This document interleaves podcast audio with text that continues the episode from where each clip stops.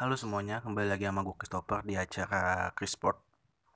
Kali ini gue pengen ngebahas tentang Euro 2020 yang dilakukan di 2021 karena kan sebelumnya 2020 kan ditunda jadi tetap memakai nama 2020 Euro 2020. Kali ini gue pengen ngebahas tentang beberapa negara yang patut untuk di apa ya perhitungkan. Menurut gue ada empat sebenarnya. Tapi selain itu banyak negara yang gue unik dan gue soroti juga yang pengen gue bahas sebenarnya. Uh, di apa di obrolan kali ini pertandingannya sih udah, udah beberapa match day udah lewat dan ini udah match day kedua sebenarnya sih. Udah sekarang saat gue rekaman sekarang gue lagi nonton Prancis lawan Hungaria match day kedua. Uh, menurut gue uh, ini Euro cukup menarik karena di tengah pandemi kan uh, di tengah-tengah Covid di jadi setiap tuan rumah kan ini kan tuan rumahnya beda-beda di setiap uh, grup. Jadi peraturannya beda-beda. Di Hungaria kemarin gue lihat nonton pas pertandingan Hungaria lawan Portugal itu nonton udah full full full apa namanya full full semuanya pemain apa penontonnya udah full semua terisi dengan 100% kapasitas. Sedangkan beberapa negara yang mau ketat banget aturannya sehingga pertandingan ini cukup unik. Karena dari segi penonton aja udah beda dan setiap grup itu juga harus cukup unik. Semua orang eh, lagi apa ya ada grup yang benar-benar orang-orang cukup takut di kayak grup F kalau grup F apa ya kalau nggak salah yang ada Portugal Hungaria Jerman dan Prancis ya kan? Tapi gue nggak mau ngebahas tentang grup itu tapi gue pengen ngebahas keseluruhan dan tim-tim yang menurut gue negara-negara yang menurut gue patut di apa diwaspadai kayak dan unik menurut gue kayak hal yang baru seperti satu-satunya Spanyol. Ini sebenarnya bukan empat empat calon kandidat yang gue masa kayaknya ini cocok jadi juara tapi Spanyol tuh menurut gue unik karena dia nggak manggil pemain Real Madrid pemain-pemain tua nggak dipanggil. Karena mungkin ada yang cedera kayak Sergio Ramos tau gue cedera dan ada mungkin nggak dibawa pemainnya karena tidak sesuai strategi dengan si coach yaitu Luis Enrique. Ada beberapa keputusannya. Tapi menurut gue ini yang bagusnya adalah regenerasi pemain-pemain Spanyol menurut gue karena kata-kata pemain Spanyol tuh pemain muda.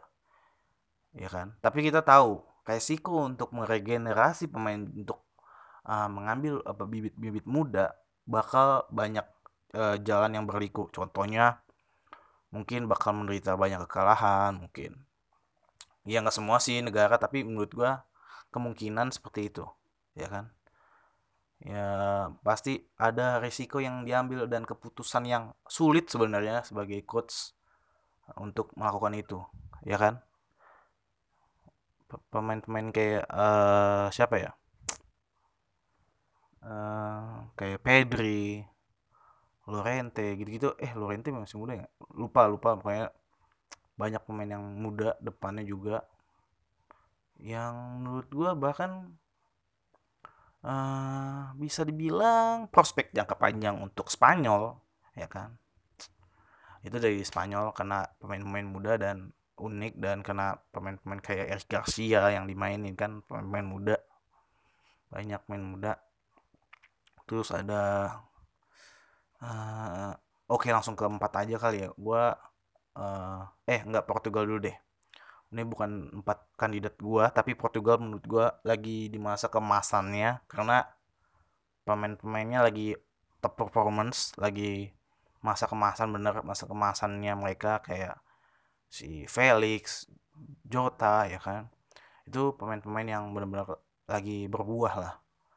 Bruno Fernandes pemain-pemain yang benar-benar lagi lagi wah lagi benar-benar lagi di banyak orang mandang ke mereka apalagi kan dipandu dengan salah satu pemain terbaik dunia yaitu Cristiano Ronaldo. Kita nggak tahu lah kita tahu lah si Ronaldo kayak gimana ya kan? Uh, Euro kemarin sebenarnya kan yang juara kan Portugal. Terus datang lagi Felix datang lagi pemain-pemain yang bener-bener sewah ini kan uh, lagi bagus-bagusnya dan mungkin uh, bakal jadi kuda hitam lah. Nah langsung aja ke empat. Sebenarnya gue ada empat pertama adalah Itali. Sebenarnya Itali kenapa Itali? Karena menurut gue benar-benar mereka benar-benar kayak berproses untuk menjadi juara. Dan uh, permainan mereka tuh bener-bener beda. Bahkan sampai sekarang kemarin pun udah beberapa kali kemenangan beruntun dia tidak pernah kalah sama sekali. Ya kan? Uh, itu udah udah salah satu pencapaian luar biasa dan permainannya juga bagus banget menurut gua uh, dari segi taktik semuanya. Karena ini nggak kayak uh, dulu kan Italia identik dengan back back ya, permainan defense yang kuat. Sekarang udah nggak gue ngerasa tuh pemain Italia itu udah beda dari yang dulu.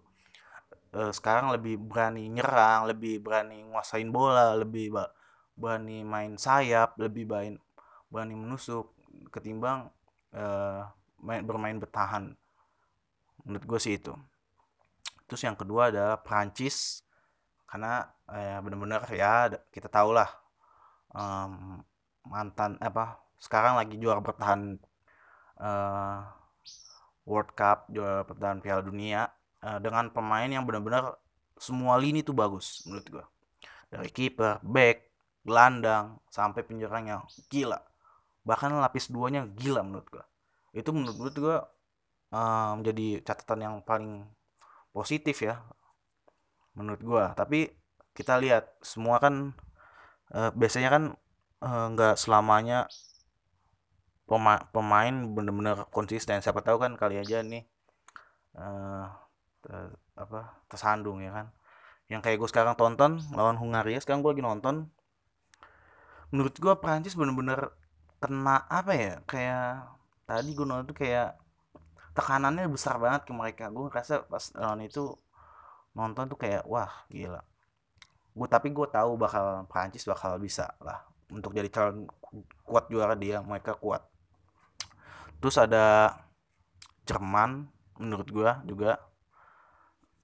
Jerman ya sekarang bener-bener ya walaupun kebelakangan Jerman bener-bener kayak diremehin ya kayak waktu itu kan Piala Dunia tahun lalu kan tahun lalu tahun 2018 Jerman kalah kan sama Korea Selatan. Tapi menurut gua kalahnya itu juga ya gimana ya? Mungkin juga lagi bener-bener mencoba untuk lagi posisi di mana kayaknya mereka mau mainkan pemain-pemain muda. Karena beda kan pemain-pemain yang dulu sama sekarang. Sekarang udah ada sekarang kayak Harvard, Timo Werner terus Gundogan banyak pemain-pemain yang menurut gue bisa jadi uh, menopang mereka untuk menjadi juara. Uh, ada Leon Sain, Sain terus kipernya benar-benar ya kan? Keren-keren. Hugo Kevin Trapp. Eh Kevin Trapp ya? Iya nggak salah. Eh si itu Kevin eh bukan deh. Eh iya bener ya Kevin Kevin Trapp ya si kipernya hey Hugo Loris Hugo Loris sama Prancis. Uh, ini New Year Jerman Jerman New Year terus si Kevin Trapp bener si itu. Sayang banget Ter Stegen cedera. Wah gila padahal Ter Stegen bener-bener saingan banget tuh si New Year. Uh, backnya ada Rudiger ya kan Matt Hummels. Walaupun kemarin pas lawan Prancis melakukan own goal ya, tapi ya bisa bisa bisa kita apa ya ya masih masih bisa dimaklumin lah. Bukan dimaklumin masih bisa nggak nggak kalahnya juga nggak satu satu kosong kan. Jerman kemarin lawan Prancis dan menurut gua masih bisa jadi juara calon juara kuat kuat dalam juara dunia. Terus ada Inggris. Gue nggak tahu ya ini gue naruh ini di calon kuat juara tapi gimana? Kadang permainan Inggris menurut gue kayak kesulitan banget untuk main untuk menyerang kayak masih masih kayak masih masih masih gimana ya? Masih sedikit sedikit tidak mau mengeluarkan kemampuan yang sebenarnya menurut gue kayak ini tuh belum belum Inggris ini belum belum harusnya Inggris nggak main kayak gini menurut gue kayak gitu. Inggris harusnya lebih bener-bener cepet kan kita tahu lah Inggris pemainnya cepet gitu kan tapi mungkin South Southgate mungkin berpikiran lain ya bahkan lucunya banget Trippier. Trippier yang ah, siapa mainnya sebutnya apa ya Trippier kan pokoknya gitulah. Yang bek kanan jadi bek kiri lucu banget itu menurut gue Southgate. Karena banyak banget meme yang bilang pemain Inggris semuanya main di, dari kanan. Itu lucu banget sih. Tapi kan menurut gue Harry Kane Sterling terus Calvert Levin Lewin apa namanya? Terus si Jack Grealish. Banyak pemain-pemain yang bagus menurut gue bisa mampu mampu untuk menopang kemampuan mereka menurut gue ya. Makanya itu ini harus benar-benar dimanfaatkan menurut gue dari segi permainan pemain komposisi pemain. Menurut, menurut gue benar-benar gila kemarin. Bahkan siapa kemarin? Si Philips apa ya? Apa Rice? Rice mainnya gila banget luar biasa menurut gue jadi gelandang. Ya calon kuat lah empat itu. Jadi Prancis Jerman Italia dan uh, uh, Inggris. Tapi dia ya ini ini ini gue tebak-tebakan gue karena melihat dari segi permainan komposisi pemain yang benar-benar rata. Tapi kita nggak tahu nanti gimana jalannya. Uh, semoga uh, Euro ini jalan lancar pokoknya.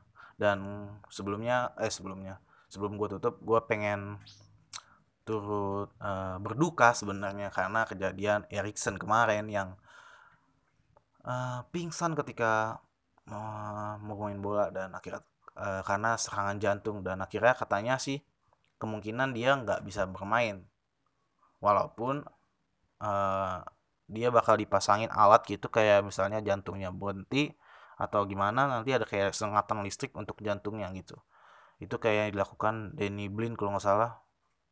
Uh, karena dia pernah sama kayak penyakit jantung.